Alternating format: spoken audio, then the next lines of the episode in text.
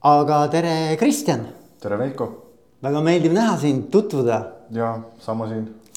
me oleme nüüd tükk aega seda kohtumist äh, põrgatanud, et saame siis kokku, saame toona kokku, aga nüüd lõpuks saime ikkagi siis ühise aja ja. on pikk plaanimine olnud jah. pikk plaanimine, aga sa oled väga nagu lennus olnud ka, et äh, Bikekeep on äh, sind hoidnud ikkagi rahvusvaheliselt igal pool toimetamas jah, noh, Bikekeepi me olemegi teinud kogu aeg sihukese väga suure rahvusvahelise ambitsiooniga ja meie niisugune õnn on selles mõttes selles, et meil on ikkagi suhteliselt unikaalne toode, äh, mis võimaldab siis seda, et me pääseme pilti nagu väga erinevates kohtades äh, ja, ja samas see sektor, kus me tegutseme, on ikkagi selline linnad, munitsipaalid, suured üksikud tehingud. Äh, mis, mis nagu nõuab seda, et mingil hetkel on vaja kohale minna. Ja, ja sellest tingituna siis on, on jah, hästi palju reisimist ja liikumist. ja ei no see on äge, see on väga äge. Ja noh, miks ma üldse, no tegelikult see ei ole ainuke põhjus, aga see oli nagu ütleme, viimane ajend, viimane tõuge sinuga ühendust võtma oli see, et sind ju valiti sel aastal sügisel äh, Eesti nooreks ettevõtjaks või aasta ettevõtjaks või kuidas? noor ettevõtja jah. noor, aasta noor. juunioride kategoorias veel juunior ettevõtja, aga ikkagi tunnustus, ära ütle, noh, selles mõttes palju õnne väga-väga äge ja noh, eriti, eriti Eestis, kus meil tegelikult ju noori ettevõtjaid on väga palju, et mm, -hmm. et jah, hästi uhke selle üle ja hästi tänulik tiimile, kes mind sinna listis. sest ega mina sain sellest asjast ju nii teada, et minuga võttis Delfi ajakirjanik ühendust, et nüüd oleks vaja selle tiitli jaoks intervjuud teha. siis ma nagu alguses natuke ei saanud sellest ikka aru, et mis tiitel, mis asi aga siis nad hoidsid ikkagi päris hästi seda nii-öelda saladusesse jah, noh, selles mõttes jah, siis, siis sealt hakkas see lekkima, kui yeah. tuli see, sest noh, see intervjuu, sest see, siis ma sain teada, et ma kandideerin, tähendab täpsustuseks ah,, okay, eks okay,. et äh, siis ma sain teada, et ma kandideerin äh,, et ma olen top kolmes. ja, ja noh, see, et see nagu valiti selleks äh, siis nooreks ettevõtjaks, see oli siis ikkagi üritusel, eks mm, -hmm. sest äh, seda nagu enne jah ei teadnud. ja, ja, ja, aga igal juhul olete väga ägedat asja tegemas Bikekeep on ju, et äh, räägime täna sinust, räägime sellest ettevõtmisest äh,. natuke võib-olla ärist, noh, nii palju kui saab, on ju, et igal juhul mul oleks väga huvitav äh, sind tundma õppida paremini ja, ja seda äri ja, ja üleüldse, et noh, Eestist on midagi sellist nagu kasvanud välja, väga kihvt. Et võib-olla nagu kõige alguseks ma küsikski, et nagu, et, et kuidas sa üldse nagu, kuidas Spike'ib nagu alguse sai, kus, kuskohast nagu see mõte või mis, mis, mismoodi nagu järsku ärkad hommikul üles, et kuule, et võiks mingit siukest ägedat vidinat tegema hakata. jah, noh, Spike'ibi lugu sai alguse lihtsalt sellest, et noh, rattaid varastati ära, eks. ja, ja, ja selle loo juures tegelikult on nii, et ega mina nagu kõige alguses ei olnudki, eks, et äh, mu ülikoolikaaslased äh, olid need, kes sellega alustasid Tallinna Tehnikaülikoolist. ja, ja siis kunagi mindi sellega isegi lausa ajujahti ja, ja mina liitusin sellega siis üldse alles peale, vahetult peale seda ajujahti, et hästi sihukene hea omavaheline klikk kohe tekkis ja saime aru, et on nagu head koostöövõimalused ja siuksed hästi meeldiv koostöö ja just sihukene seltskonnale. aga kui kaua, kui, kui, mis see ajalugu on nagu? see oli noh, ajujahis oldi kaks tuhat kolmteist, eks, siis kaks tuhat neliteist liitusin mina, siis, aga siis sealt hakkas mingi hetk me hakkasime pusima veel sihukese asja kallal nagu parking mis esimesed siis parking'u asjad tollel ajal pandi ka Bikekeepi tehnoloogia peal, tolleaegse Bikekeepi tehnoloogia peal laivi. siis parking sai oma esimesed investeeringud, tollel ajal eksisteeris ainult sihuke juriidiline keha nagu Bikekeep. ehk et investorile oli anda ainult Bikekeepi nagu no, arvelduskonto, mille peale muidugi esitati küsimusi, et kuulge, et. et kelle, kuhu ma oma raha annan? mis siin toimub poisid, tehke tuhat korda on ju. Äh, ja siis oli, see oli nagu see, et kus, kus me saime ise ka aru, et noh, kui selle momendini nagu panid seal kõik natuke kõike, et ega eks ta oli nagu suhteliselt segane.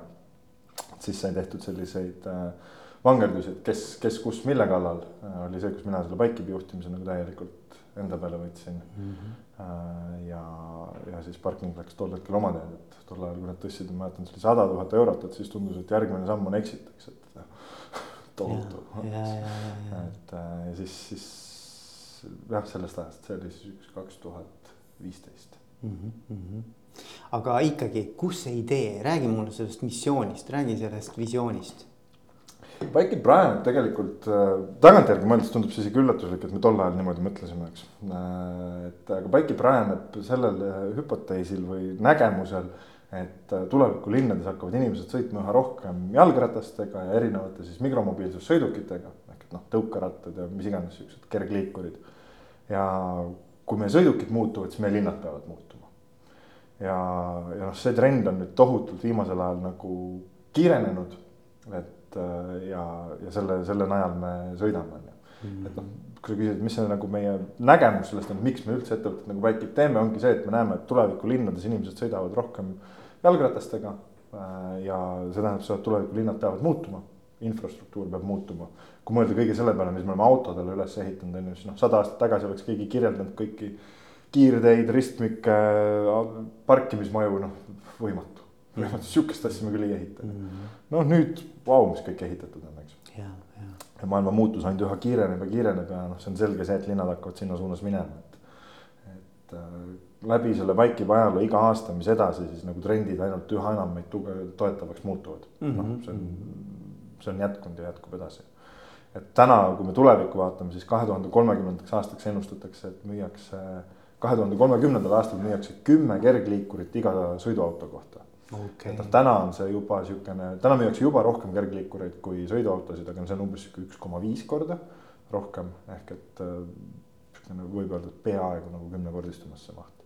ja, ja, siis on vaja ju kuidagimoodi neid hoida, eks ole. kui meie sõid-, kui meie sõidukid muutuvad, siis peavad meie linnad muutuma, eks, ja, ja, ja siis linnadesse hakkab tekkima järjest rohkem rattateid, aga noh, lõpuks, kui sa sinna tee lõppu jõuad, siis sa pead kuidagi seda parkima mm. -hmm. ja, ja noh, seda on mõttekas ainult jällegi teha niimoodi nutikalt, turvaliselt, et see, need väärtused linnale on seal väga selged mm.. et juba jalgrattaliikluse väärtused on hästi selged, ma olen seda väljakutset hästi palju esitanud ja ma ei ole nagu sellele ühtegi vastust saanud, kui et noh, tooge mulle jalgrattaliikluse juures välja üks negatiivne aspekt mm.. see on kasulik sinu tervisele, su vaimsele, su füüsilisele tervisele, see on kasulik kohalikule majandusele, see on kasulik linnale, infrastruktuuri kulud vähenevad kasusid on hästi palju kuni selleni, et lõpuks ta päästab planeeti ka, eks.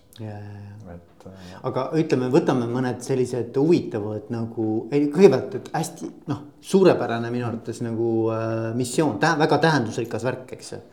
Aga kui võtta mõned sellised äh, asumid, kus juba täna on hästi palju nagu mm. sellist äh, kergliiklus ja siukseid mikromobiilsus nagu elemente on ju, nagu ma ei tea, Amsterdam mm. või noh, ma ei tea, üldse Skandinaavia mm. vist on nagu sinnapoole rohkem läinud, on ju ma ei tea, Hiinas, ma ei tea, kuidas Hiina, Hiina on ka. Hiinas on ka sõidukid on tohutud, aga Hiinas see sõidukite tohutu arv tuleb eelkõige sellest, et mitte suurlinnades, aga just sihukestes maapiirkondades.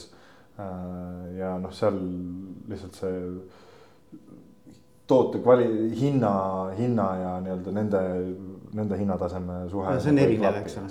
seal on nagu väga palju takistusi, sinna suunas me nagu täna üldse ei vaata. ja, ja aga, aga näiteks need Skandinaavia riigid on ju, et kuidas, kuidas see nagu seal tundub, et kas see on teema, olete sinna nagu saanud kanna maha?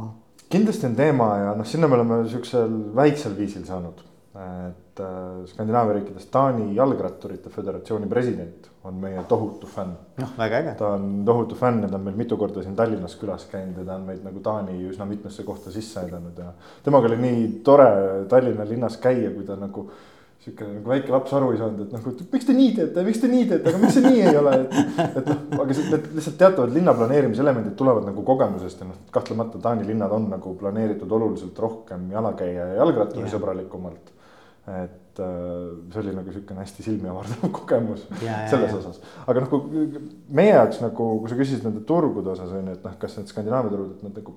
sõitjate arvult ja kõigelt sellelt oleks kahtlemata meile väga head turud ja meil seal nagu väikest viisi asi läheb.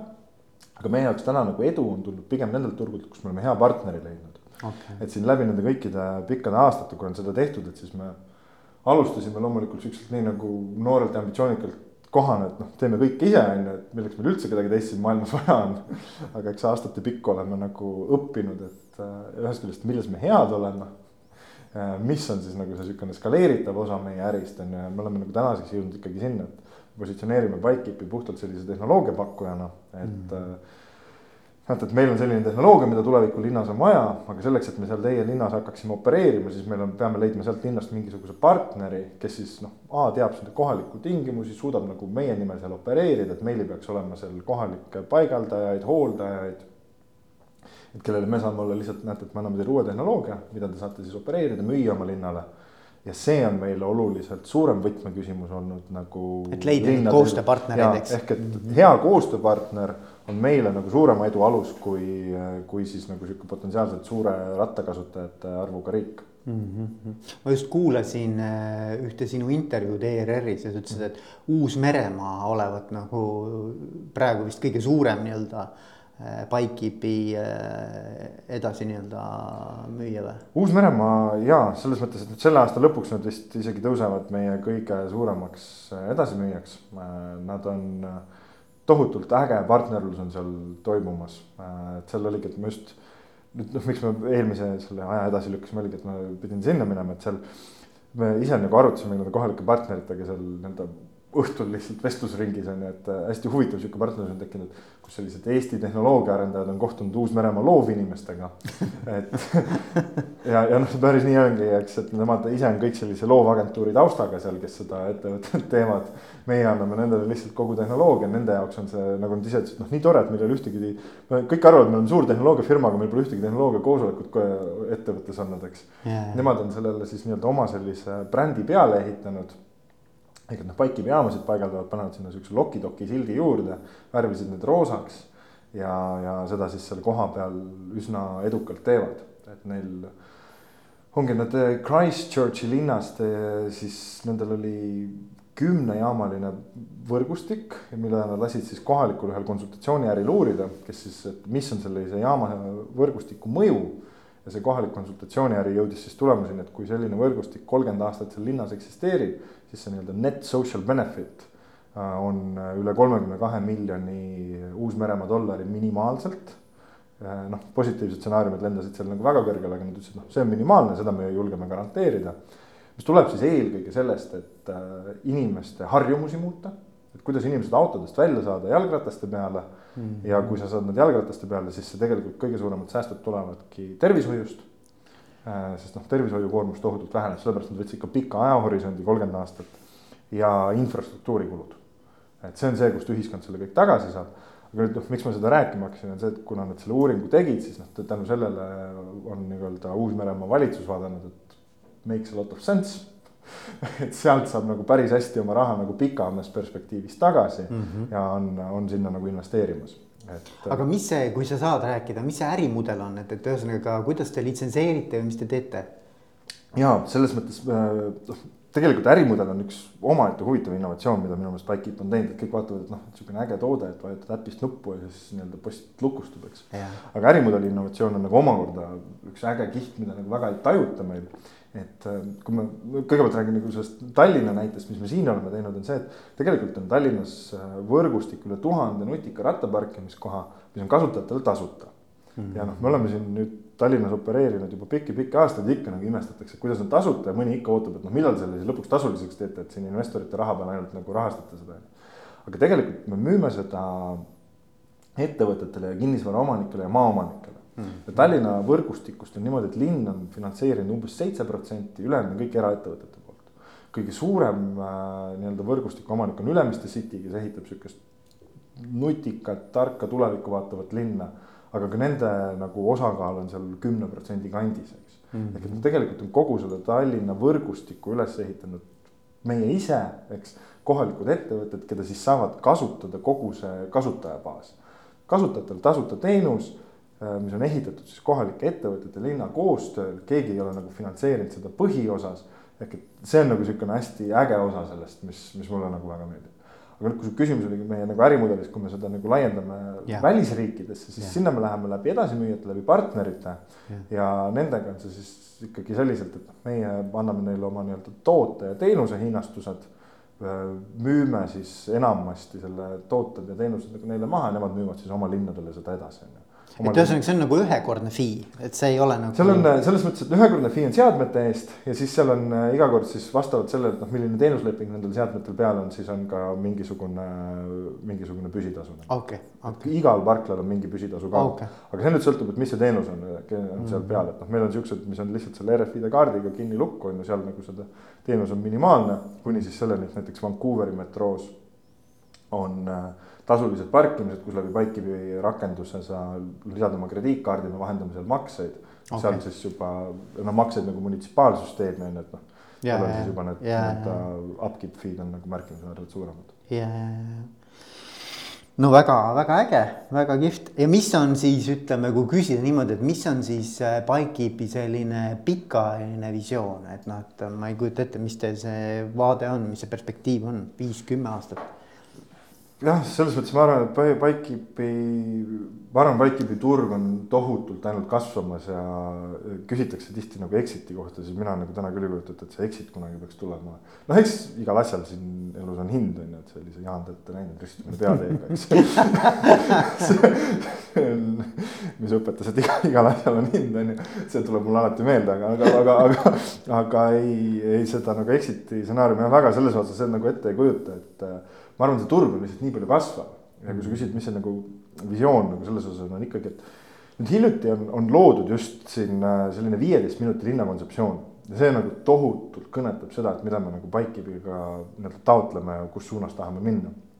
see siis näeb seda ette, et seal linnas peaksid kodanikuna saama kõik oma käigud teha siukse viieteist minuti jalutuskäigu, rattasõidu või ühistranspordi liikumisega sa ei kulutaks mingeid tohutuid aegasid äh, kuskil autos või transpordivahendis istumisele. Ja noh, kui sa teed seda nii-öelda active mobility'na, et noh, aktiivselt liikudes, siis et veel, kuidas see sinu nii-öelda tervisele mõjub, et noh, seda hästi nagu selle juures siis soodustada. ja selle visiooniga see nagu läheb hästi kokku, et kuidas teha meie linnad inimesekeskseks, kuidas nad teha selliseks, et nad on su tervist soodustavad. sest noh, midagi pole teha, kahekümnendal sajandil me oleme ehitanud oma linnad selliseks, et nad hävitavad meie tervist kogu see õhusaaste, mürasaaste, see elustiil. Et noh, kui mõeldagi, kuidas juba, kuidas me noh, enamus lapsi täna viiakse autoga kooli nii-öelda majast äh, autosse, auto uks tehakse koolis lahti, kobi jälle tuppa on ju. koolist ka lastakse otse autosse, eks, et noh, me juba ehitame nad selliseks, kogu see elustiil äh, on hästi istuv. ja, ja noh, selle mõju on nagu tohutult negatiivne, eks nüüd, kui küsimus oli see Bikekeepi visioon, et kuidas see ikkagi selle viieteist minuti linna ikkagi sellega kokku läheb, ongi, et kuidas ta on inimese tervist ja arengut toetav. ja Bikekeepil on üks väga väike osa selles, aga see väike osa ongi selles, et noh, teha see jalgratta ja mikromobiilsussõiduki kasutamine muretuks, et sa üldse ei paneks tähelegi mm -hmm.. ja, ja, aga kas teil on ka nagu selles mõttes selline mingisugune nii-öelda ma ei tea, et noh, mingi eesmärk nagu mõõdik või mingi tulemus nagu, et noh, et vot nüüd me oleme. et me teame, et vot see on see sadam või Põhjanael, kuhu poole me liigume ja et, et siis, kui me sinna jõuame. et siis me oleme rahul, et kas, kas on mingi niisugune, et sa saad näiteks öelda mingi aja pärast, vot näed, me oleme kohale jõudnud oi, kohale me ei jõua. ei jõua. vabandust, seda võib-olla ei tohiks kõva häälega öelda, eks eks, et äh, sest noh, me oleme kogu aeg hästi ambitsioonikalt nii oma, oma teenusportfelli kui kõike laiendamas, eks aga noh, põhimõtteliselt kuhu me ikkagi jõuda tahame, on see, et äh, ühe linna mikromobiilsusparkimine on opereeritud läbi meie, eks, et see on siis see, et millal see nagu linn meie jaoks edukaks muutub, on ju. ja kui küsimus on nüüd, et noh, mitu linna on ju, siis, siis ikkagi see, et me oma industriast tahaksime saada selliseks äh, noh, nii nagu kunagi oli, et noh, seadmed, Xerox on ju, et noh, see on Xerox Medis on ju, et, et, äh, et see tekiksid koopiad, kes üritavad olla nagu Bikekeepid või noh, mulle tuleb näiteks see kohe ette, see õllereklaam, eks ole, probably the best beer in the world, eks ole äh, noh. jah, täpselt, et noh, selles mõttes, et see nii-öelda industry standard oleks Bikekeep on ju küsimus, et kas sul on siis Bikekeep või sul on midagi muud on ju. et, äh, et noh, selle võrra. Nagu aga, aga mis see konkurentsi, ütleme, kui me räägime nagu, kas teil konkurente ka on või? kindlasti on ja neid on noh, erinevatest vaatevinklitest, kõige rohkem konkurente on ikkagi nagu alternatiivlahendustes selles mõttes, et kõige suurem konkurents on täna ikkagi kogu see raha, mis investeeritakse autodesse. inimesed nagu väga noh, Tallinna näitel hästi palju öeldakse, et oi, et Tallinna linn subsideerib ühistransporti on ju, maksab kinni tasuta ühistransporti. aga mitte keegi ei vaata, kui palju tegelikult maksumaksja raha pannakse autotransporti, kui palju pannakse ristmikesse, valgusfooridesse, märkidesse. ja tegelikult see on samamoodi autoliikluse subsideerimine, linn ehitab kõik need asjad valmis maksumaksja raha eest ehk et kui sa küsid nagu konkurentsisituatsiooni kohta, siis seal on see suur, on ju asi. Äh, nüüd, kui vaadata, noh, kes, kas on nagu täpselt samasuguseid lahendusi nagu meie, jah, mingid on, eks. täna nagu meie kasuks räägib meie pikaajaline kogemus, sest me oleme nii-öelda industry's, kus ikkagi klient tahab seda teada, et kui ma siia investeerin, siis ta saab aru, et noh, see infra, mida ta täna hakkab ehitama, see peab kümme pluss aastat siin olema, see peab kestma ka viieteist aasta pärast ja siis on see kindlus peab olema hästi suur. et näiteks Uus-Meremaal, kus ma rääkisin, et kohalik transpordiministeerium hakkab nagu investeerima nendesse seadmetesse, siis nad nagu laua taga üsna otse küsisid mu käest, et noh, kuidas me saame olla kindlad ja nii-öelda me pidime esitama dokumentatsioone kuni selleni, et ka suursaadik tegi oma, oma toetusavalduse meie suunas mm. -hmm. et äh, see on nagu hästi-hästi oluline ja see räägib nüüd nagu nii-öelda meie poolt võrreldes konkurentidega yeah.. aga jah, ega me ei ole ainsad, kes turusituatsiooni yeah, näevad. et, äh, et lahendusi on ja yeah. on nagu väga samasuguseid, on ka neid, kes ütlevad nagu otse välja, et me üritame olla nagu teie ahah, ahah. et, et noh, ilmselgelt. aga teil mingit, mingit patenti, mingit sihukest nagu kaitset nagu selles mõttes ei on ole? on küll, meil on, meil on välja antud isegi patent, tööstusdisaini kaitseid, erinevaid siukseid asju okay, ikkagi on okay.. aga noh, kõige rohkem meid kaitseb ikkagi see nii-öelda tehnoloogia arendamine, ma ise nagu hoian küll hästi tugevalt sellist nii-öelda mindset'i, et kui meie tehnoloogia on tipptasemel, kui meil toode ja teenus on tipptasemel, siis teised saavad ainult üritada meile järgi jõuda ja noh, et olla lihtsalt, olla lihtsalt kõige parema teenusepakkuja nagu. senikaua, kuni me -hmm. jätkame nagu kõige parema teenuse pakkumist, siis nad üritavad meid kinni püüda, aga noh. mööda nad minna ei suuda. ja, ja, ja. no väga kihvt, väga, väga vinge ähm,. aga räägime sinust ka. Räägi, kuidas noh, okei okay,, sa rääkisid, et sul mingid sõbrad hakkasid nagu vaikselt seda asja ajama, on ju, käisid ajujahis. ja siis ühel hetkel olid sina kampa, eks ju Eh, aga ikkagi, et nagu, et eh, mis sinu nagu selline taust on, millal sa sellise ettevõtluse ja juhtimisega üldse nagu kokku hakkasid puutuma? tead nüüd seoses selle noore ettevõtja tiitliga on pidanud nagu natukene seda meenutama, on ju. aga see oli nagu esimesed korrad, kus ma hakkasin seda enda jaoks üldse meenutama, siis ma mingi hetk nagu endale ka väikse vauga avastasin, et tegelikult ma olen seda nagu kogu aeg hästi palju teinud, on ju, kuni, kuni hakkasid nagu mingid lood sinnamaani meelde tulema, kuidas ma kunagi, see oli, äkki oli mingi kolmas või neljas klass juba, eks ole, kuidas ma sain aru, et meil maja all keldripoes müüdi nagu neid krõpsupakke niimoodi, et sa said vist kolm kahe hinnaga või eks ühesõnaga seal tekkis päris suur hinnavahe nagu koolipuhvetiga eks siis oli nagu üsna, üsna lihtne, ema andis taskuraha, ma läksin ostsin keldripoest krõpsud. Läksin, tegin kõikidele, seal oli veel see, et noh, kuna ma käisin siukses Lasnamäe koolis, kus järjekorra kommet väga ei olnud. et oli pigem järjekorras seisti füüsilise tugevuse alusel ehk siis tähendas siukse kolmanda klassi kutid olid seal üsna tagajärjekorras. et ma suutsin nagu müüa seal oma korruse peal neid äh, nii-öelda otse, et ei pidanud seal trügima ja ei pidanud kaklema ja said odavamalt ka veits. ja et noh, sealt sai, sealt nagu mingitest noh, miniprojektidest sai see alguse. kuni, kuni selleni, et seal kooliaeg sai kassette lindistatud ja igasuguseid siukseid asju tehtud on ju. kuni siis mingisugust on sellist asja nüüd ülikooli, kui ma läksin siis äh, õppelaenu ma panin ka kõik ühe ettevõtte projekti alla. et tol ajal tegime bändi sõpradega ja siis äh, üks suvi käisime ühes bändiruumis kogu aeg proovi tegemas, siis. ma nagu iga kord, kui seda proovi tegin, siis mõtlesin, kuidas see nagu ärimudelina toimub, mingi hetk sain aru, et kui äge, et noh, tegelikult neil makstakse kogu see asi kinni, neil on sihuke oma bändiruum. siis nad teenivad raha, et noh, miks mul ei ole, on ju. ja siis selle suvi otsa, kui ma käisin seda proovi tegemas, lõpuks oli nagu kogu see mudel peas välja mõeldud, sattus kuidagi, sattus niimoodi, et vastu sügist visati meid sealt välja.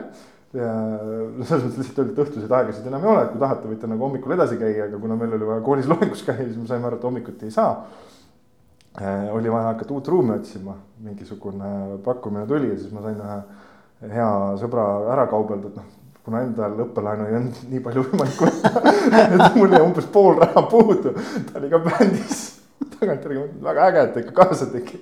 Mm.. ta võttis ka siis õppelaenu, vanemad ilusti käendasid seda. panime sada protsenti kõik helitehnikasse. ja, ja siis, siis tegelesime siukse äriga, noh neid on hästi palju on igasuguseid siukseid projekte olnud, eks nad läbi aastate on kõik vaikselt kasvanud. Ja noh, kuni siis, kuni siis selle Bikekeepi, kui ma Bikekeepiga alustasin, siis tol perioodil oli ka nagu väga palju erinevaid paralleele käimas, ma mäletan mingis neljas-viies projektis olin seotud mm. -hmm.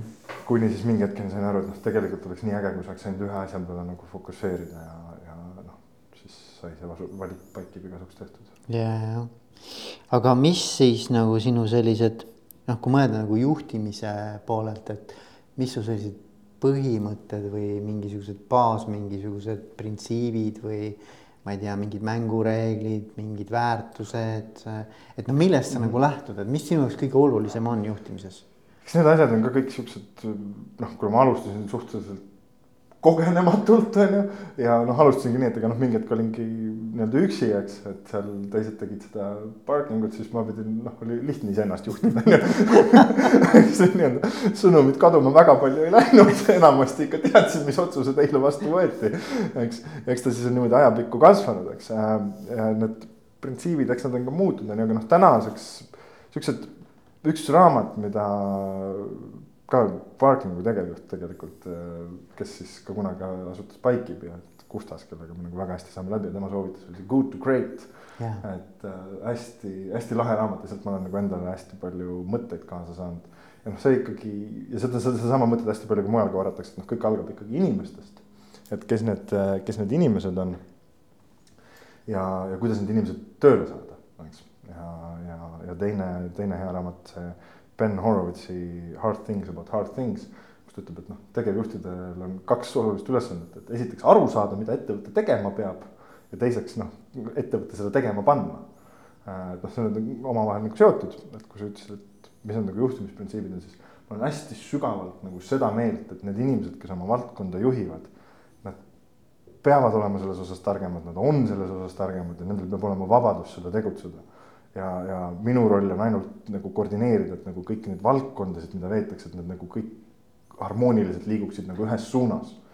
ja, ja, ja neile need võimalused luua mm., et mm., et äh, kui sealt nagu mingite otsustega hakata üle sõitma, siis tuleb see vastutus ka ära võtta. et yeah., äh, et kui ma nagu otsusega sõidan kellegist üle, siis ma pean ka nagu vastutuse talt ära võtma, et jah, kui see on minu otsus, siis see on ka minu vastutus ja noh, sina enam selle eest ei vastuta, eks. siis mm. saab minust selle valdkonna juht ja, ja, ja, ja aga ütle mulle, kus sa nagu, et noh, mis on olnud sellised võib-olla ma ei tea, mingid äh, õpetlikud juhtumised või mingid inimesed, kellega sa oled kokku puutunud, kes sind on palju mõjutanud või mingid sündmused mm. või et nagu, et kes, kus, kus need nagu noh. ma arvan, üks huvitav asi, mis äh, on olnud, et noh, kuna see Pike'ibi alguslugu on nii tugev, tugevalt sellega parking uga seotud olnud, siis äh, me oleme noh, kunagi me olime tahes-tahtmata ühes kontoris, eks me tegime sama asja. aga me oleme siiamaani ühes samas kontoris läbi aastate, me oleme mitmeid kordi kolinud. konto on ikka erinev konto, konto on ikka erinev, eks ole, me oleme läbi aastate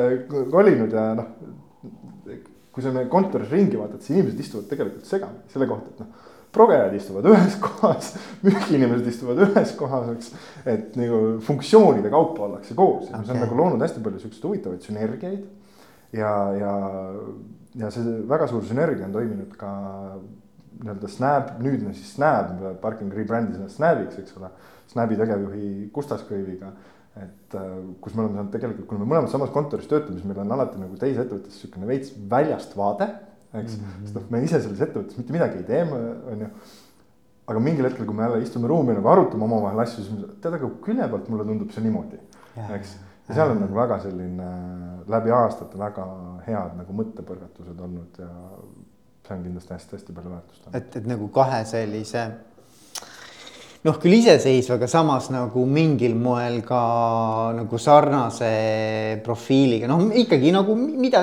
seal on noh, mõlemad on selles mõttes mingid nutiparkimislahendused on ju, nemad teevad nutilahendusi autodele, meie teeme jalgratastele. just, just äh, et noh, IoT ambitsioon välismaale laieneda, kuidas nagu partnerlused tööle panna, et seal hästi palju on ühisosa tegelikult. ja ka, ja ka juhtimisalaselt. Ja, ja muidugi jah. kuidas neid asju põrgata. ei, see on hästi kihvt. ja ma ei ole nagu teist ettevõtet nagu kuulnud, kus see nagu niimoodi nagu koos istutakse ja, ja see on, see on hästi-hästi huvitav sünergia, see on kogemata tekkinud, eks, sest noh, nii, nii ta oli aga see on nii hästi toiminud, et noh, ma ütlen, kui me oleme kolinud kontoritega, siis see ei ole nagu kordagi olnud küsimuseks siiamaani, et noh, et muidugi tuleb teine kaasa. ja, ja, ja, ja, te olete nagu ühe pere lapsed, noh. nii ta on, noh juriidilist seotust seal ei ole, eks, aga, aga praktiliselt. ja ma saan aru, ja, ja, ja. aga mis on olnud kõige raskem otsus, oskad sa öelda, mis sinu kõige raskem otsus siiani on olnud? kõige raskem otsus või? tead, ma olen loomult niisugune hea optimist, et ma vist õnneks unustan need rasked asjad, et noh, eks neid on olnud, eks neid on olnud, ega noh, lihtne ei ole kindlasti olnud, et seda ei, seda ei, ma ei taha kuidagi nagu väita, aga kõige raskem, need on niisugused inimestega seotud otsused äh, ja keerukad ongi need otsused, kus saad aru praktiliselt, mida on vaja tegelikult ettevõttel teha. ja sa saad aru, et kui sa kellelegi inimesena haiget teeb, siis midagi ei ole teha, inimestest tegelikult inimesena hoolid. aga kus sa siis juhina pead ikkagi aru saama, et noh, minul on ka oma töö ja see vajab tegemist.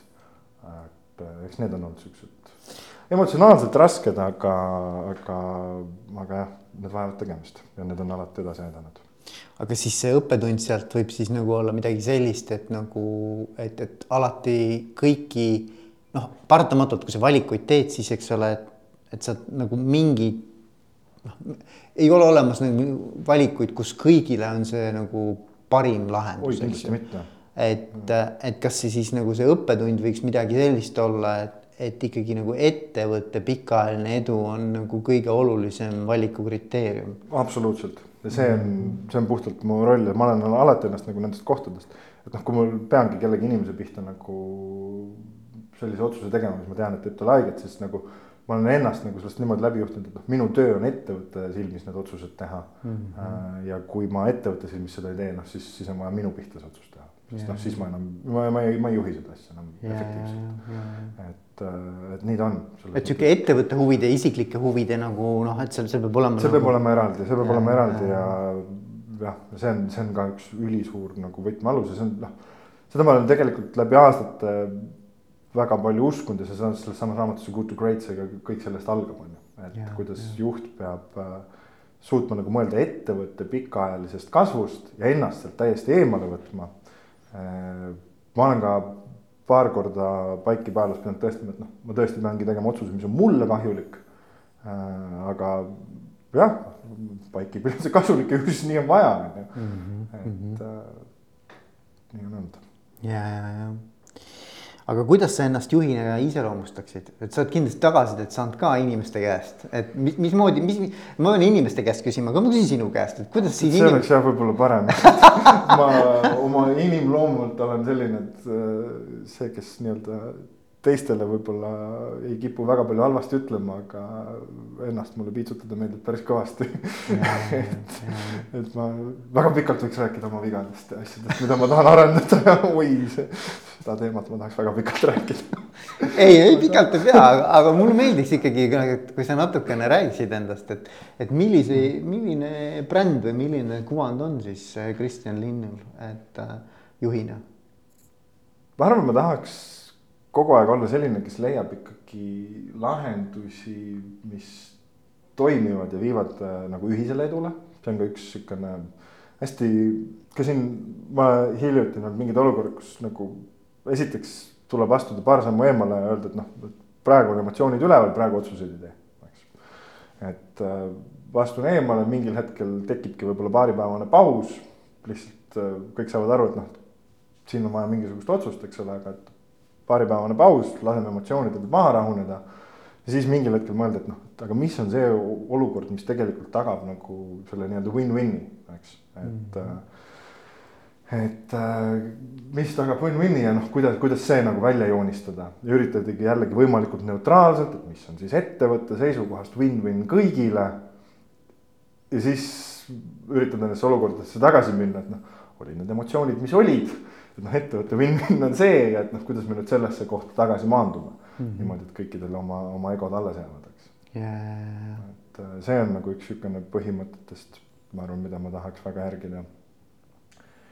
Ja mõtlengi, sa küsisid kui keeruline niimoodi ennast ise no,. aga, aga ega mul ei olegi lihtsaid küsimusi, Kristjan, ega mul ei ole lihtsaid küsimusi. eks, et noh, ma pigem ma räägin sellest siis võtmes, milline ma tahaks olla, on ju, et eks siis küsi, küsi pärast, et väga hea oleks, kui tiim nagu teeb follow-up'i sinna, et olen ma siis selline või ei ole, on ju, et. et aga jah, ka alati selline ikkagi, et ma arvan, et kõik tuleks alati ära kuulata. Alati ära kuulata kõiki kahjuks arvesse võtta ei saa. ja hästi palju tuleb nagu teha ka tööd selle nimel, et selgitada, et miks me midagi teeme niimoodi just mm. -hmm. et äh, mul on just kõrvalt tundunud nagu, et tihti inimesed saavad töökeskkondades haiget, kui nii-öelda tehakse mingisugune tark otsus ja mis ongi tark õige otsus. ja siis kõigile tundub, noh, otsus on tehtud, põrutame nüüd edasi ja mis me siin ikka seletame, on ju, ja kui sul noh, kuula nüüd, otsus oli sihuke ja noh, lähme, eks. ja siis inimene tundub, et aga teda üldse ei kuulata eks, ja siis ta saab, saab haiget, eks ole, aga kui, kui ta hakkab nagu nägema tihti ka, mis on see teine pool ja teine võimalus, alternatiiv, eks, sest mm -hmm. kuskil nagu öelda, et oh, seda peaks ka tegema, on hästi lihtne. see on niisugune, ma ei tea, ise nimetan niisugune opositsioonifenomen, et hästi lihtne on istuda seal riigikogus opositsioonis ja öelda, et noh, päästjate palka peaks tõstma, õpetajate palka peaks tõstma, teesid peaks rohkem ehitama, on ju. sinna peaks investeerima, sinna, noh kõik on jumala õiged argumendid, aga noh, ressurssi on kahe jaoks, eks ole, tegema peab kaheksat, eks. Eks, et äh, siis kuidas nagu inimestele vahel nagu seda ka, et noh, näed, et aga olukord ongi, meil on ressurssi kahe jaoks. noh, mida sina teeks? et noh, teeme seda sinu mõtet, aga noh, siis jääb see ja see tegemata. ja siis tihti nagu, aa, ei no tegelikult on toga oluline et noh, ma arvan, et kui küsimus oli umbes, et noh, milline ma öelnud, ma arvan ise, et ma võib-olla vahel isegi panen natuke liiga palju aega sellesse, et inimestele asju seletada ja neid nii-öelda on board tuua kõigega mm. -hmm. et äh, jah, võib-olla jälle hakkasin negatiivsest rääkima, eks. et, ei, ei, et aga, aga noh, palju, palju nagu aega sinna ma kindlasti panen ja, ja seal võivad nagu mu koosolekud ajad väga vabalt lõhki minna, et, et ikkagi ma ei taha enne ruumist välja minna, kui ma näen, et inimesel on see buy-in olemas ja see üht, ühtne meel on saavutatud. ma arvan, et see on väga-väga kihvt, et selles mõttes sihuke noh, räägitakse, et tuleb, juhil hakkab endal juba nagu kergelt noh, nagu täiesti üles ajama, et räägin sama juttu, eks ole, juba seitsmendat või kümnendat korda. aga tegelikult nagu inimeste jaoks on see oluline, sest et noh, kui, kui sellest aru ei saa, eks ole siis on nagu jube raske nagu ühiselt nagu edasi minna. ja ma nüüd ei mäleta, mis raamatus see oli, aga ma jälle varastan hästi palju lihtsalt teiste inimeste mõtteid. seal oli see, et tegevjuhile ka lihtsalt, et kui sa alla seitsme korra oled kellelegi midagi öelnud ja ta veel aru ei saa, siis on see sinu viga. Ja pärast seda nagu minu peas ka hästi palju muutus, et siis ma nagu tõesti, kui kellelegi midagi kolmandat või neljandat korda seletasin, siis mõtlesin, noh neljas kolm veel, et nagu need esimesed seitse võtangi nagu hästi lihtsalt no ja mõtle, kui palju läheb aega, et inimene näiteks mingi harjumuse endale nagu oma, omista-, võtaks omaks, eks ole. noh, jube kaua läheb aega sellega. see on üks asi, aga tead, ma olen sellest ka aru saanud, et millest see tuleb, et ise sa nagu ei taju seda, et mis kaaluga sa teatavaid asju räägid mm. -hmm. ja ise ütled nagu mingitel asjadel, et noh, et teeme nii, on ju, ja sa ei panegi tähele, kui sa teises kontekstis ütled, teeme naa, on ju, sest noh, sa mõtled seda võib-olla hoopis veits, hoopis teistmoodi mõtled aga keegi teine saab sealt jälle mingi teise suunise ja siis ongi segadus ja siis sa ei saa aru, et aga ma ütlesin, teeme nii, on ju. Hmm. aga teine mõtleb, oota, aga ma kuulsin sind teist asja ka rääkimas, aga mõtlesid hoopis, hoopis teisiti seda. ehk et, et kui me ainult nagu teised, teised inimesed ei saa nagu väga hästi aru, kui mihukese kaaluga me teatavaid asju ütleme mm. -hmm. ja sellest tuleb see, et teatavaid asju on vaja nagu mitu korda üle rääkida mm, -hmm. sest me ise, ma arvan, juhtidena tihti ei saa aru, kui me anname siukseid nii-öelda mixed signals. ja, ja vastukäivaid signaale. ongi, et me, me ja me ei mõtle seda üldse vastukäivana, me mõtleme seda hoopis teistmoodi, aga inimesed saavad nagu sõltuvalt olukorrast teistmoodi aru, nad kuulevad võib-olla ainult ühte osa. Ja siis ahah, nüüd sa ütlesid niimoodi ja sellest moodustavad oma, oma vaate mm. -hmm. ja, ja ei noh, arusaadav loomulikult jah, jah. ja seal on veel see osa ka, et noh, et, et ega siis iga inimene kuulab läbi oma filtri et tal on mingi oma filter veel või oma nii-öelda päikseprillid ees, millest ta nagu maailma näeb, on ju. et noh, et see ka moonutab veel omakorda, eks ju.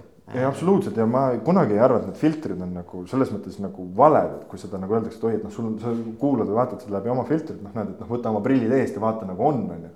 ei, et see ei olegi, see sõltubki sellest, noh, milline see sinu maailma tajumine täna on, on ju.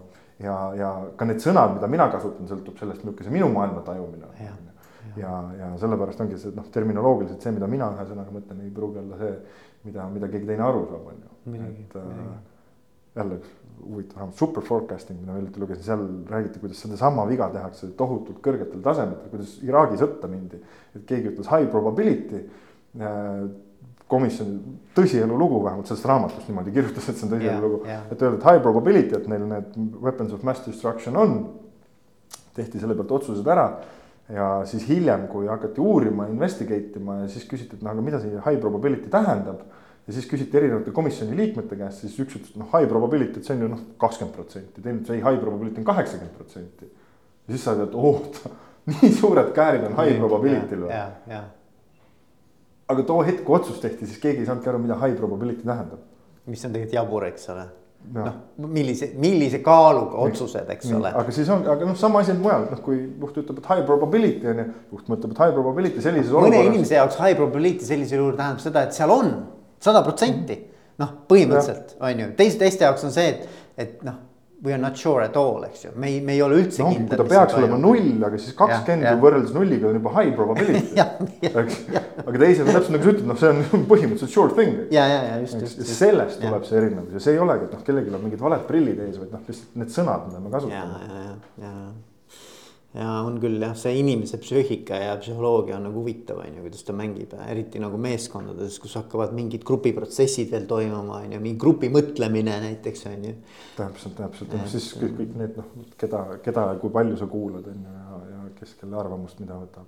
Või et noh, ütleme jah, et, et, et mõnikord mul on olnud niimoodi, et ma olen aru saanud, et kui juht on, kellega ta on ennem rääkinud, on ju, et mis, mis, mis seisukohta ta omab, et noh, et kel, kes, kes inimene on varem teda mõjutanud, eks ole et sa saad nagu sellest seda, ka seda ka ja see on, see on ka nagu üks asi, milles ma olen nagu hullult treenin ennast, et äh, hästi olla nagu ettevaatlik sellega, et ma teatavates kohtades, kui ma saan aru, et täna ongi nagu mingisugune koosolek, kus me peame midagi otsustama, aga noh ega ma ka ei tea eks.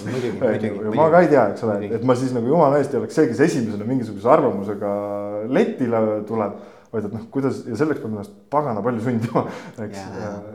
et kuidas nagu siis võimalikult vait olla ja nagu tõesti need arvamused enne kätte saada. sest sa hakkad muidu mõjutama seda ja, ise täpselt, ka, eks ole. täpselt, täpselt, täpselt, kuidas, kuidas seda, kuidas need arvamused nii kätte saada, et nad ei oleks millestki muust mõjutatud, et ega see on, see on keerukas on ju aga samas vahel jälle inimeste juhtimisel on ka vaja seda nagu nügimist veits teha, et kui jällegi tead, kuidas see on, siis ikkagi käia enne natukene rääkida kellegagi, tead, ma arvan, see on niimoodi ja siis, siis lõpuks, kui need viis inimest kokku tulevad, sa oled kõigiga, kõigiga nagu korraks ära rääkinud, tead, ma arvan, see on niimoodi. ja, ja see on niimoodi muidugi. siis, siis, siis, siis on nagu hea seal ruumis vaadata, et kuidas see otsus tuleb, onju, aga noh, see peab olema ka teadlik ja tahtlik ja ma pean nagu ise aru saama, et see on noh ma tean, et see on see suund, kuhu ma tahan seda asja nagu nügida mm. -hmm. aga noh, jah, mulle meeldis see mõte, mis sa alguses ütlesid, et, et noh, tegelikult ikkagi iga inimene oma valdkonnas on ikkagi noh, vähemalt eeldame, et on kõige targem, eks ole, et noh, ta võiks nagu, või võiks tunda nagu oma valdkonda kõige paremini, eks. jah, selles mõttes mitte oma valdkonda, aga, aga et noh, kui tema juhib seda valdkonda, siis tema peab seal otsuseid tegema, tema mm -hmm. peab seal olema pädevam kui mina, on ju. et kui mina olen seal temast pädevam, siis peaks mina seda valdkonda juhtima mm. -hmm ja, ja edu võti ongi see, et sa pead leidma need, noh, see on nii vana kulunud tõde on ju. aga see on ikkagi, võtab ikka aastaid, enne kui saad aru, et jah. õiged inimesed bussi, eks ole, ja siis veel õigetele, õigetele nii-öelda istekohtadele. täpselt, aga no see on jah, see tuleb sealt samast raamatust on ju, aga seal ongi see, et noh, kõigepealt. ja see on hästi huvitav mõte seal, kõigepealt õiged inimesed bussi, siis hakka istekohti jagama, mhm. on ju, et no,. see läheb juba kultuuri ja kõigesse sellesse ei, see Jim Collinsi raamat, ma olen ka alati öelnud, et see on üks klassika nagu. ta ei ole enam uus raamat, aga noh, ta on nagu nii hea, üldse Jim Collins on väga hea nagu. tal on üks teine raamat, Built to last on ka väga hea raamat. loodud kestma eesti keeles. ja, ja seda ma vist olen ka kuulanud, sest ma kuulan enam raamatuid audioraamatuna muuseas äh,. jah, aga see Good to Great mõjutas mind nii palju, et kui sa töölauda vaatad, mul on seal paar asja töölaua juurde riputatud, aga siis see Good to Great'i see graafik on üks asi, mille ma välja printisin ja panin oma selle peale. seal on ka see, see world wheel, eks ju, see nii-öelda flywheel. et, et äh.... see, aga siis seal on, mul on see graafik, mis, kus, kus seal hakkabki, et noh, kõik hakkab sellest nii-öelda level file leadership'ist mm -hmm., mõtle nagu ettevõtte peale on ju, siis to get right people on the bus on ju. et noh, kõik need asjad, mis sa pead enne tegema, kui sa hakkad üldse mõtlema, mida ma üldse teen ja väga äge, väga kihvt aga mis, no sa ütlesid, et sa võid küll rääkida oma nendest nõrkustest või arengukohtadest jube palju, aga mis oleks nagu üks asi, milles sa tahaksid paremaks juhiks saada? kui sa pead ühe, ainult ühe asja valima. mis on, millel oleks kõige suurem nagu mõju? kõige suurem mõju, et saada paremaks juhiks. ma arvan, eks see on ikka siukene mingis mõttes võib-olla kommunikatsiooni selgus kuigi seda ma olen siin just viimasel ajal nagu vahel vaadanud, et seal võib-olla mul ikka mingid tugevused natukene ka on. vahel on ikka no, päris kuulan, lahe. ma kuulan sind, siis ma arvan, et, et päris, päris, pigem, pigem nagu võiks seda tugevuseks nimetada. jah, aga et noh, seda saab ka alati veel paremini teha ja ikkagi nagu aja efektiivsus, see on kindlasti jah, vot, et kuidas ikkagi aja efektiivsus, sest see on nagu ainukene piiratud ressurss on meil aeg Äh, kuidas seda siis nagu veel paremini saada, et kui ma siin enne tõin välja, et noh, ma võin vahel nagu ikka väga pikalt veeta aega, et kedagi nagu millegi ära veenda, et ta nagu on the bus oleks. siis nagu ise sisemiselt nagu võitlen, et noh, miks, et noh mm., selle ajaga oleks saanud veel midagi teha, on ju. aga samas ma ikkagi ka tohutult jälle ikkagi seda väärtustan, kui inimene on nagu tõesti usub sellesse, et mitte sellepärast, et noh, keegi ütles, et nii peab yeah.. et ikkagi usub sellesse, et aga kui sa küsid üks asi, siis jaa, oma aega veel efektiivsemalt kasutama mm.. jah, kindlasti mm.. see on, see on tegelikult lihtne hea vastus, Kristjan no see on puhas investeering ja siis saab rohkem teha. on, on, on, on, on um, siis mul on üks sihukene nagu mulle meeldib küsida sihukest küsimust, et, et, et kui sul oleks mingi nõuanne anda alustavale juhile, kes on saanud oma esimese juhtimisametikoha. on varem teinud, eks ole, spetsialisti tööd. Aga nüüd järsku sai siis meeskonnajuhiks, et mis, mida sa ütleksid nagu, mis su nõuanne võiks olla, et ta oleks edukas oma töös, juhi töös mm.? halb otsus on parem kui üldse mitte otsust. Äh, ehk et otsustavuse selgus. Äh, ja põhjus, miks sind sinna valiti, on see, et sa tõenäoliselt midagi oskad, ole enesekindel ja usalda iseennast mm. -hmm. et, et mul endal oli üks hästi huvitav hästi,, hästi-hästi lahe kogemus, kus sain ka teatavaid nagu protsesse ühe siukse väga kogenud tippjuhi kõrval teha ja ja saime nagu noh, tõesti nagu koos töötada nende asjade nimel, kus nagu tihti oli ka liid oli just minu käes on ju.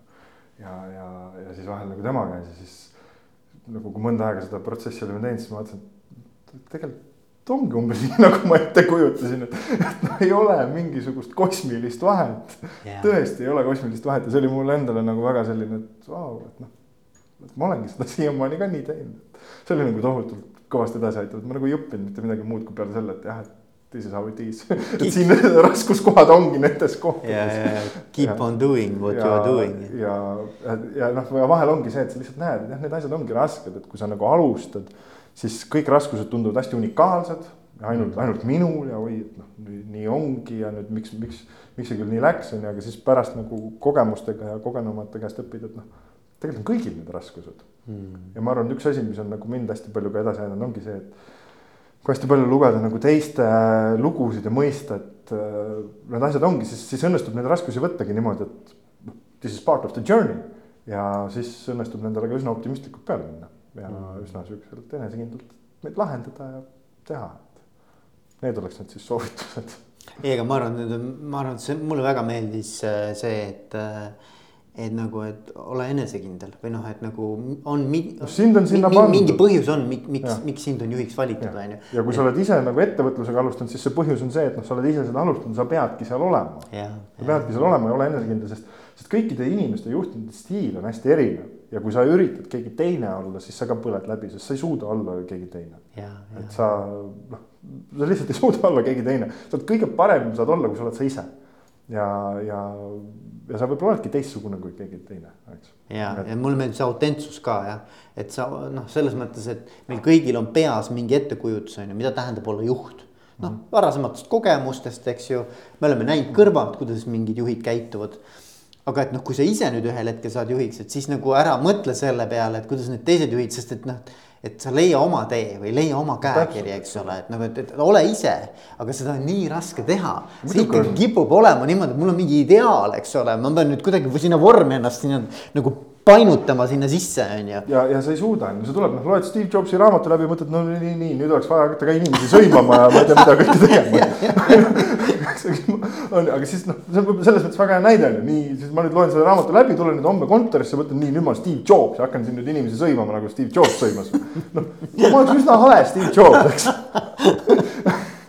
et palju parem on, kui ma saan aru, et oot, nagu minu stiil on võib-olla veits teine, eks ja olen nagu, teen seda enda moodi. ja ma arvan, et kõigil on oma loomuomased tugevused, vaata mm. ja sa pead nagu selle üles leidma, et mis see sinu nii-öelda nagu DNA on, et milles sina nagu kõige parem oled ja, ja võib-olla siis ongi küsimus selles, et see meeskond, ma olen, mulle endale meeldib nii mõelda, et see meeskond peab kompenseerima siis neid kohti, mis võib-olla nagu noh, et, et paratamatult meeskond on meeskond, eks ju, sina täidad mingit rolli seal, okei okay,, see on meeskonna juht ka, aga ikkagi ka teised võtavad mingisuguseid juhtimiselemente ju tegelikult kogu aeg nii-öelda. mitte mingisuguseid, väga suuri. no just ja täidavad seda nii-öelda seda oma, oma tugevustega, eks ju. täpselt ja seal ja seal on ka noh, järgmine asi on see, et sellest meeskonnast tulebki nii mõelda, noh, ma ise noorena tegin hästi palju meeskonnasporti, käsipalli mängisin on ju, see võib-olla on nagu hästi palju ka seda aidanud, et sa pead aru saama, et noh, tegelikult lõpuks toimima peab meeskond on ju. ja võib-olla sihukestel, ma ei tea, jalgpalli näidetel on ju, et noh kõik teavad, et Cristiano Ronaldo ja Messi on hullult head jalgpallurid, on ju, aga kui me nüüd ühte meeskonda saaksid, noh, keegi ei paneks neid ühte meeskonda, eks. Mm.. sest noh, kõik saavad aru, et noh, nad ei toimi, nad ei toimi, nad vajavad teistsugust meeskonda enda ümber. Ja see ei ole lihtsalt see, et oh, toome tipptegijad nagu pardale, on ju. vaid sa tegelikult pead aru saama, et noh, kui ma sellise inimese pardale toon, siis mida on vaja, on ju. Messil ja Ronaldol on vaja nagu veidi erinevaid inimesi vist, eks, et noh, kes, kes, mhm. kes, kes aitavad nagu nende talendil särada, eks mm. -hmm. ja noh, samamoodi on vaja ettevõtteid ehitada, et noh ma pean aru saama, mis on minu tugevused, ma pean aru saama eelkõige, mis on minu nõrkused ja noh, eelkõige oma nõrkustel on vaja siis keegi teine leida, kes seda teeb. ja sinna on vaja see nagu väga tugevalt ära delegeerida, neid on vaja väga palju nende kohtade peal usaldada mm. -hmm. Ja, ja, ja see on kihvt jah. ja kuidas sa valid meeskonnaliikmeid, on sul mingid oma põhimõtted?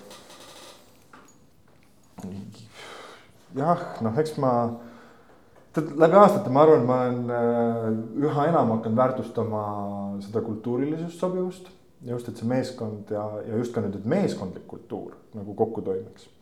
et äh, eks ma olen ka omad vitsad kätte saanud, kus mõtled, et noh, ta on ju kõva performer ja anname nagu kultuuri järjest andeks, eks. Aga, aga lõpuks ikkagi keerab seda meeskonna asja nagu tuksi. Et äh, muidugi noh, see on ka niisugune noh, ei ole mustvalge on ju. et nagu see oli Phil Jackson ütles, et noh, et, et ainult üks Dennis Rodman saab olla, on ju, et aga noh, mingil, aga et noh, et noh. sa ei saa nagu lubada rohkem kui üks, on ju, aga kui sa suudad selle ühe seal kuidagi toime panna, siis noh, mingid erandid on, aga see on jälle meeskonna ehitamine on ju. et sa pead aru saama, et noh, milles on tema tugevused ja mis kohtade peal tuleb nagu meeskonnal teda nagu kompenseerida, eks. Mm. -hmm et äh, kui sa küsid, noh, kuidas ma meeskonnaliikmeid valin, siis tegelikult üha enam hakkabki olema selle peale, et noh, milline see kultuuriline sobivus on mm. -hmm. ja just nagu viimased siuksed äh, võtmeisikud, keda me oleme ka pardal toonud, siis see on nagu kõige suurem küsimus, et noh, kas ma usun, et ta selles meeskonnas suudab mängida, kas teised kas tahavad fiti, tema, kas teised tahavad temaga mm -hmm. mängida, kas -hmm. tema tahab meie, meie nagu olemasolevate inimestega mängida. ja kui ma nagu sellele vastan jah, siis ja siis on nagu küsimus, noh, kas ta on ka piisavalt tark, et seda teha mm., on ju, kui on, noh, siis meil on teda vaja, eks mm.. aga kui see on niisugune, et oh jaa, et ta on nagu hämmastavalt tark, on ju, aga kas teised tahavad temaga mängida, ei mm. no okei okay,, see on nagu probleem, eks. ja, ja, ja ühel tippjuhil oli selline test nagu Tokyo test Tokyo test tähendas seda, et kas ma viitsin ja tahan temaga istuda lennukis Lennata. kõrvuti Tokyosse või kannatan välja või, või kas see on nagu minu jaoks nagu ka nagu sihuke nagu äge kogemus, ma saan inimesega rääkida maast ja elust, on ju. mitte ainult nagu tööst mm -hmm. ka, on ju. või et kas ma tahan, noh, teine, teine test võiks olla, et kas ma tahan temaga nagu päriselt nagu, ma ei tea, koos näiteks äh, sauna minna ja grillata või noh. see on selles mõttes väga huvitav test ja seda ma olen nagu üldiselt inimestest niimoodi mõelnud ja ma, ma ei mõtle seda lennuki, ma lennukisse mõeldes mulle tohutult meeldib lennuk lennukis tööd teha, ma teen lennukis oma parima töö ja ma tahan lennata üksi, sest siis ma saan tööd teha. aga see on ainult lennukis. Äh, ma mõtlen sellest umbes nii, et kas ma inimesega nagu oleks nõus auto tagaistmel sõitma kuskile hästi kaugele. noh, põhimõtteliselt täpselt sama asi, eks. aga et noh, kui me nüüd peame sõitma mingil põhjusel Tallinnast Berliini on ju, et noh, kas ma tahaks tema kõrval istuda. ja kui ma tahaks tema kõrval istuda, siis on siukene, siukene hea nagu sõbralik fit seal ja, olemas on ju, aga ja see on mingi energia ja mingi selline nagu, et, et noh, vaata, inimene toob ikkagi mingisuguse oma mingisuguse hoiakud, on ju. mingid oma mingisugused mõttelaad, mingi, mingisugune mindset, eks ole. et kas see fit ib või ei fit'i, on ju, et. jah, ja nagu... ka seal on, kas mul on ka temast õppida, see on ja, nagu ja, üks asjadest, et. et kõigilt on õppida, noh, see läheb nagu tagasi sellesse, et ma praegu lihtsalt mõtlen kõva häälega, et. et kui ma tooks nagu mingi inimese, kellelt mul ei ole õppida. noh, siis, siis ta ei saa olla ju oma alal targem kui mina, eks mm. -hmm. et mm. -hmm. ja, ja kindlasti, jah. kuule, aga väga äge, väga kihvt, Kristjan, võiks sinuga väga pikalt rääkida, aga ma vaatan, kell hakkab juba nii palju saama, et meil on kohe tunnike täis, et äh,. Läks kiirelt Läheks väga kiirelt, et kas on midagi, mida ma ei ole küsinud? aga sa mõtlesid, näed, mul tuleb Veikoga siin mingi väike sihukene tunnine jutuajamine, et, et tahaks vot seda teemat kindlasti ka puudutada ei, otseselt sihukest asja vist hingele, ma arvan, põhiasju rääkisime, ei ole hetkel küll, eks kindlasti pärast tuleb, eks siis ma pean piisavalt aktiivne ja edukas olema, et sa mind tagasi kutsud. ei, aga ma küsin siis niimoodi, et aga, aga räägi, et eh, millal Bikekeepi aktsia hakkab tõusma? Äh, see on nüüd vihjega vist Funderbeami pihta on ju, ma saan aru, eks ma eeldan, sest tegelikult aktsia hind on meil iseenesest igast investeerimisraundist äh, kasvanud. on jah? Äh, ja, ja ka nüüd ma ei teeks mitte mingi, isegi tänastes turutingimustes ma ei teeks mitte mingil juhul nagu selle hinnaga, mille me tegime eelmise Funderbeami raundi. rääkimata sellest, mis ta seal täna on, on ju. ehk et need kaks ja, asja on nagu täiesti. seal ütleme, no ma saan aru, et praegu jah, see keskkond on ka omaette veel teema, eks ole, ja, ja. jah, no ma vastan siis niimoodi, et noh, kõik edumeetrikud, mille pealt me tol ajal raha kaasasime, kui see nii-öelda osakud sinna Funderbeami viidi, on tänaseks peast ütlen, et vähemalt kahekordistunud mm. -hmm. noh, see ei ole loogiline, et see aktsia osaku hind on nagu odavnenud, et isegi tänases turutingimustes, et. et kõik need, kellel seal osakud on, siis ettevõttel läheb hästi ja see fundamentaal, fundamentaalne asi on seal on väga tugev, et. et see, kuidas nagu turul kauplemine on, see on nagu pigem tururegulatsiooni küsimus ja mis seal turu marketplace'is toimub, et see, see on küsimus teisele ettevõttele. Ei no ma tahtsin natuke torkida ka, aga no.. ei vaba, väga õigustatud küsimus, et ega seal mul on palju sõpru-tuttavaid ja pereliikmeid on ju. aga siis noh, ma arvan, et vaata lõpuks on ikkagi niimoodi, et pikas perspektiivis jõuab alati äh, osaku hind järele sellele, mis on siis fundamentaalnäitajad, nii et selles mõttes, et ei pea muretsema ja ma, mul ei ole probleem, mu oma ema ka investeeris ja ma talle siiamaani ütlen, et väga õige otsus oli, et. absoluutselt, kuule, aga Kristjan, aitäh sulle ja edu ja et Bikekeep var, siis varustaks kogu maailma äh, turvaliste mikroliikurite hoidlatega. jah, ikka aitäh kutsumast väga, väga äge, väga hea kogemus on siin olnud, et au selles nimekirjas olla. super, aitäh sulle